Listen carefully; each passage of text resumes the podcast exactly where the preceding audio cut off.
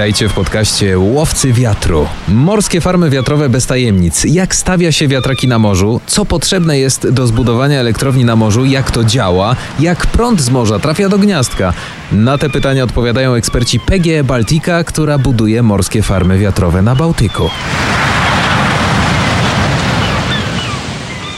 Wiemy już, jak buduje się i stawia ogromne wiatraki, ile pracy trzeba w to włożyć i jakich materiałów użyć, a to oczywiście nie mała robota. Teraz pytanie, jak o te wiatraki dbać, żeby służyły na lata. Tajemnice serwisowania wiatraków zdradzą nam nasi dzisiejsi eksperci. Pan Rafał Rzędarski, starszy kierownik do spraw logistyki portowo-morskiej dla morskich farm wiatrowych w PG Baltica. Dzień dobry, panie Rafale. Dzień dobry. I pan Ernest Lewandowski, kierownik projektu. Dzień dobry, panie Erneście. Dzień dobry. Zacznijmy może takim pytaniem otwierającym w ogóle dla tych, którzy nas słuchają i no nigdy nie widzieli farmy wiatrowej, nie widzieli wiatraka, chociaż wiedzą tylko tyle co ja, że on się po prostu kręci, ale jest coś takiego też jak port serwisowy, który rozumiem opiekuje się tymi wiatrakami. Czym w ogóle jest y, port serwisowy?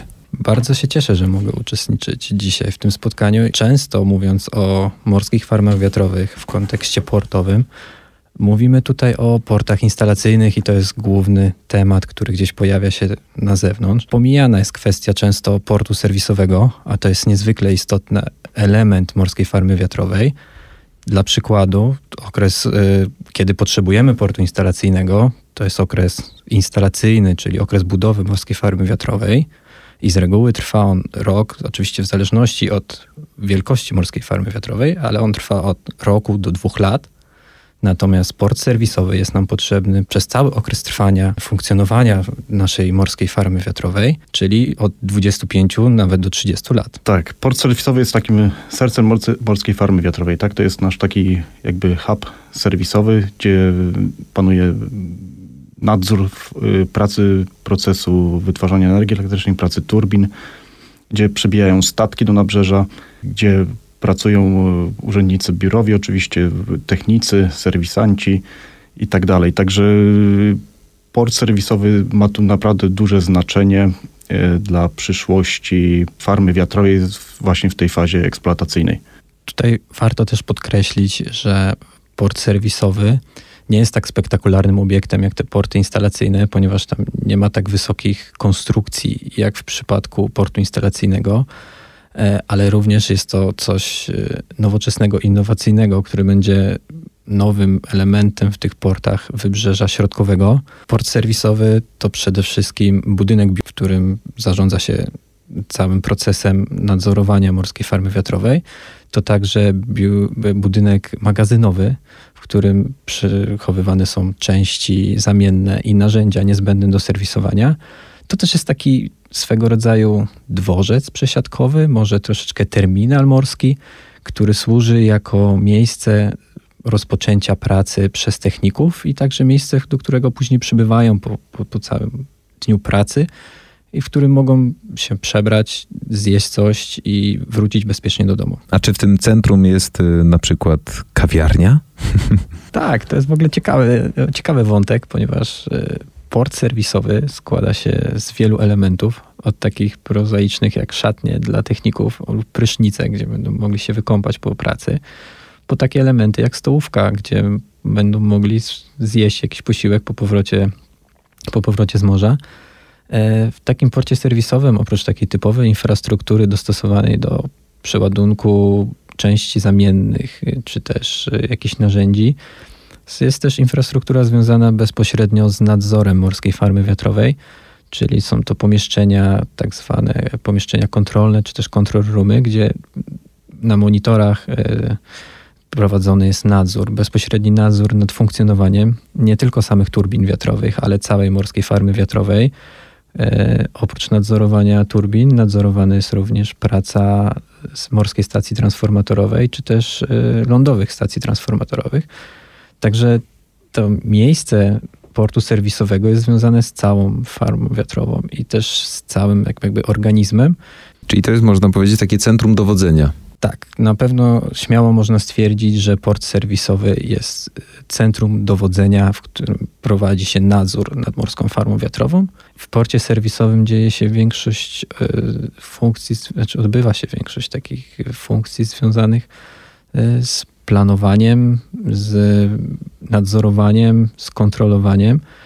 E, w porcie serwisowym znajduje się również miejsce, w którym prowadzona jest komunikacja. Komunikacja z osobami, które znajdują się na morzu, czyli mówimy tutaj o statkach i, i osobami, które e, pilotują czy też jeżdżą statkami, jak tu mój kolega wspomniał, ale także z technikami, którzy znajdują się już na turbinach, no bo ten statek przypływając do, do danego wiatraka, zostawia tam techników i płynie dalej. To nie jest tak, że on czeka, tylko on po prostu rozwozi wszystkich po turbinach wiatrowych i później zbiera. Dlatego ta osoba, która znajduje się na turbinie, ze względów bezpieczeństwa przede wszystkim powinna mieć stały kontakt ze statkiem, czy też z bazą serwisową i za to odpowiedzialne są osoby w bazie serwisowej, które nadzorują cały ten proces. A możemy zdradzić to miejsce, gdzie będzie ten port? Dla naszych y, pierwszych projektów morskich farm wiatrowych planujemy lokalizację portu serwisowego w porcie morskim Ustce. Panowie, w takim razie spotkaliśmy się tutaj, żeby porozmawiać też y, no, przede wszystkim o wiatrakach i jak się je serwisuje, jak one jeżdżą do tego przysłowiowego warsztatu. Jak dbamy o wiatraki? Takie obowiązkowe procedury serwisu, jakbyśmy mogli sobie przegadać. Po pierwsze, wiatraki nie jeżdżą do warsztatu, to warsztat przyjeżdża do wiatraków. Tak? Ciężko byłoby chyba zawieźć do warsztatu. Dokładnie. I to jest bardzo skomplikowana operacja, bo wymaga też podróży serwisantów na statkach, tak? czyli y, z portu trzeba się przemieścić specjalistycznym statkiem na obszar farmy wiatrowej. A jeżeli chodzi już o same procedury i przeglądy, każdy wiatrak podlega planowanym przeglądom ustalonym przez producenta takich wiatraków i są to najczęściej przeglądy roczne, które obejmują, tak jak byśmy to porównali do samochodu, na przykład, nie wiem, wymiana oleju, tak, sprawdzenie ciśnienia, regulacja łożysk i tak dalej, i tak dalej. Ale są też y, okresy przeglądowe troszeczkę y, jakby na przykład co 5 lat, tak, i wtedy planujemy jakieś większe roboty, na przykład dokręcanie śrub, czy jakieś inne sprawy. Są też y, przeglądy, może nie przeglądy, tylko wizyty takich serwisantów na farmach wiatrowych yy, nieplanowane. Kiedy następuje wykrycie jakiejś awarii na wiatraku, to trzeba oczywiście popłynąć do tego wiatraka i sprawdzić, co się stało. Może to też się wiązać z wymianą jakiegoś większego elementu, ale jeżeli dojdzie do wymiany większego elementu, wtedy potrzebujemy większych statków do przeprowadzenia takich napraw. A jaka jest taka największa awaria, jaką można sobie w ogóle wyobrazić? Oczywiście nie życząc jej nikomu. Co takiego najtrudniejszego do naprawy może się zepsuć? Takie awarie będą dotyczyły jak największych elementów takiej, takiego wiatraka, czyli to będzie czy wymiana y, łopaty wiatraka, czy wymiana samego generatora. A czy do serwisowania wiatraków właśnie wykorzystywane są statki?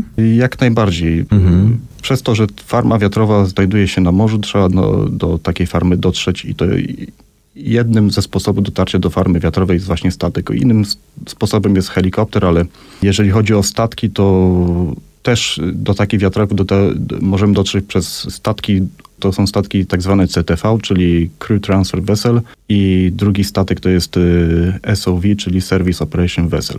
Ten CTV statek to jest mniejszy statek, przywozi techników na farmę wiatrową i odbiera ich z tych farmy wiatrowej i przywozi z powrotem do portu. Statek SOV, troszeczkę większy statek, on ma za zadanie stać przez jakiś okres czasu, na przykład 2-3 tygodnie, w zależności od reżimu pracy, na obszarze farmy wiatrowej i później co te 2-3 tygodnie zawitać tylko do portu na bunkrowanie i na wymianę załogi. Czyli w żadnym wypadku nie są to statki wycieczkowe i nigdy nie będą. Absolutnie. Ile może zmieścić się członków załogi na takim statku? Rozumiem, że jeden jest mniejszy, drugi jest trochę większy. Maksymalnie ilu, ilu takich serwisantów może być na pokładzie? Na tym mniejszym statku CTV może przebywać od 12 do nawet 36 osób. Najpopularniejszym rozmiarem takiego statku są 24 osoby plus załoga. Załoga składa się najczęściej z dwóch, trzech osób. I właśnie, jakie narzędzia ci serwisanci ze sobą muszą zabrać, bo to też mnie ciekawi, jakie narzędzia wykorzystuje się do serwisowania, kiedy dopływamy do takiego wiatraka, albo też kiedy monitorujemy pracę wiatraków, to też jakbyśmy mogli sobie to podzielić na tak zwaną operację mm, oglądową z lądu, a zasób tych narzędzi, które musimy mieć ze sobą na takim statku. Związane jest to z tym, jaki przegląd będzie potrzebny, tak? Jeżeli na przykład system monitorujący wykryje nam e, jakieś e, nieprawidłowości na, nie wiem, na systemie elektrycznym, hydraulicznym, to oczywiście technik przygotowuje się już w porcie, co zabrać, żeby e, sprawdzić, co się stało, tak? Ale ogólnie narzędzia, technika takie z dnia na dzień to są, to jest zwykła torba z, z miernikiem, z śrubokrętem, z młotkiem, y, bo to są planowane przeglądy. Tak, jeżeli coś Mhm. się dzieje, to właśnie najpierw trzeba wysłać technika, zbadać, co się naprawdę stało i wtedy technik wraca, informuje, co się stało i podjęta jest dalsza akcja. Czy w ogóle da się naprawić jakieś elementy zdalnie? Rozumiem, że tu chyba magia musi wejść w grę. chyba, że się da. Ogólnie mówiąc, nie da się nic naprawić zdalnie, natomiast sama turbina podczas swojej pracy monitoruje różne parametry i na podstawie tych parametrów zbadanych dostosowuje swoją pracę do tych pomiarów. I czasami jest taka sytuacja, że te mierniki czy też te czujniki wykazują jakieś anomalie i przez to ta turbina może przestać pracować prawidłowo w jakiś sposób niepożądany. I czasami jest taka sytuacja, w której możemy zrobić coś w postaci takiego zresetowania systemu turbiny i może nam to pomóc. I może to z, jakby z perspektywy bazy takiej operacyjnej, z monitora osoby nadzorującej dany wiatrak, można dokonać takiego resetu i doprowadzić turbinę do prawidłowej pracy. Natomiast sama turbina jako urządzenie i cały system morskiej farmy wiatrowej jest na tyle złożony i skomplikowany, że najczęściej takie sytuacje nie mają miejsca i jednak nawet w przypadku jakiejś małej wątpliwości co do działania czujnika musimy jednak wsiąść na statek, popłynąć na dany obszar, wejść na turbinę i zweryfikować bezpośrednio na miejscu, co tak naprawdę stało się z tym czujnikiem, czy też z tą turbiną, że ona wpadła w jakiś tryb, który jest niepożądany dla nas. Właśnie, niektóre naprawy da się mm, zamknąć na miejscu, mm, używając narzędzi, które mamy i oczywiście wiedzy, ale są też takie awarie, mm, kiedy trzeba zamawiać nowe części. Na pewno się takie zdarzają. To, to właśnie, które elementy da się naprawić na już, y, żeby wiatrak odpalił po kilku godzinach naprawy, a kiedy trzeba zamawiać takie nowe części? Tutaj wchodzi w grę przede wszystkim problematyka logistyki morskiej związanej z dotarciem na, na turbinę też prowadzeniem tego serwisu. E, Celem serwisowania morskiej farmy wiatrowej jest jak największa produkcja energii elektrycznej i jak najkrótsze przestoje. E, W takiej sytuacji, kiedy mamy coś uszkodzonego na turbinie, najczęściej według e, takich procedur dokonuje się bezpośrednie wymiany tej uszkodzonej części, a ewentualne naprawy tej części dokonuje się w porcie serwisowym czy też w specjalizowanych warsztatach. Możemy sobie wyobrazić e, taką sytuację, kiedy technik przybywa na, na, na turbinę, wchodzi na wieżę, znajdując się w generatorze, on ma ograniczone możliwości naprawy jakiejś części bezpośrednio tam na miejscu. Dużo łatwiej mu jest i też dużo łatwiej przygotować takiego technika do wymiany uszkodzonej części i po prostu przeprowadzenia e, tego procesu bardzo szybko. A następnie tę uszkodzoną czy też niesprawną część może zabrać ze sobą, wracając razem z pozostałymi technikami do portu i tam możemy ją naprawić, zdiagnozować. To też wiąże się z tym, że takie naprawy na miejscu mogą czasami wiązać się z jakimś rozwiązaniem tymczasowym, czy też rozwiązaniem, które nie do końca będzie dawało nam pewność, że to się nie zdarzy za chwilę jeszcze raz. Mhm. Dlatego dużo bardziej opłacalne z punktu widzenia utrzymania morskiej farmy wiatrowej jest po prostu wymiana części na nowe, a naprawa w wyspecjalizowanych warsztatach i też możliwość sprawdzenia tego na lądzie, jak to będzie funkcjonowało, czy to będzie naprawa, ta naprawa będzie skuteczna. Także można śmiało powiedzieć, że tutaj w przypadku morskiej energetyki wiatrowej nie ma miejsca na tak zwane trytytki czy duct tape'y. Tutaj musimy e, naprawdę liczyć się z taką precyzją wykonywanych napraw dla każdych urządzeń. Albo porządnie, albo wcale. No i właśnie zapewne ekipa jakby sprawująca tutaj nadzór nad wiatrakami jest dość spora. Mówiliśmy tutaj o ilości osób, które mieszczą się na statku. Natomiast y, czy jest jakaś taka reguła mm, ilości osób odpowiedzialnych za jeden wiatrak? Czy to jest jakaś, jakiś team przypisany konkretnie do, do tego wiatraka? Czy po prostu sprawowane są dyżury na przykład? Y, Czy jest uregulowane to, ile osób ma doglądać jeden wiatrak? Jak to wygląda tak na co dzień?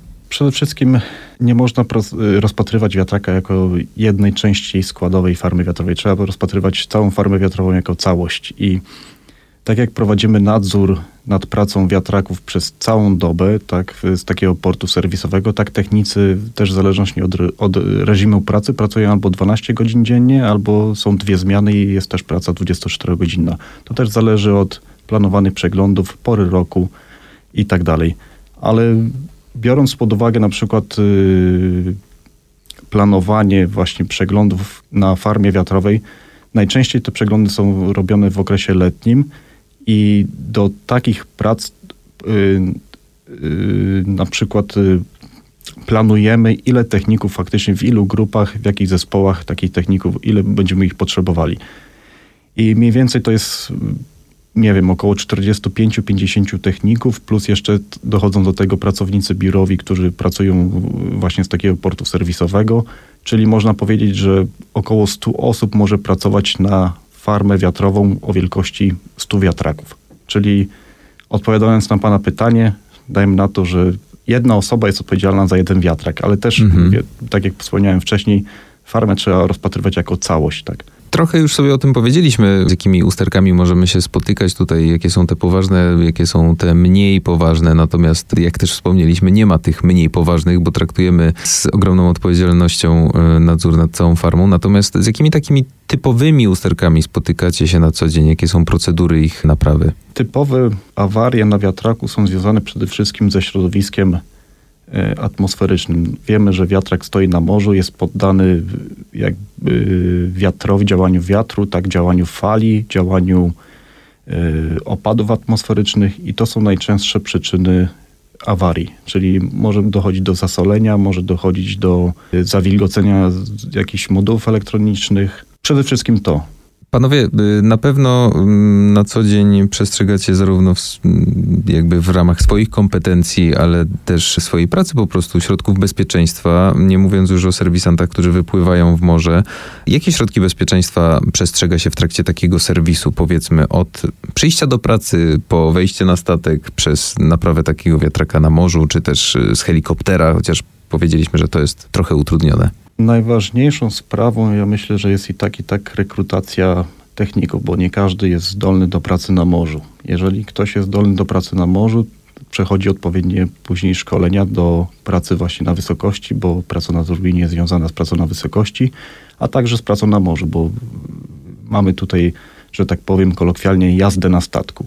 Każdy pracownik wybierający się na pracę na turbinach musi przejść szkolenia. Są to szkolenia zgodne ze standardami Międzynarodowej Organizacji y, Wiatrowej, że tak powiem, to się nazywa GWO, Global Wind Organization, gdzie w, w ramach tego szkolenia y, odbywa się pięć modułów.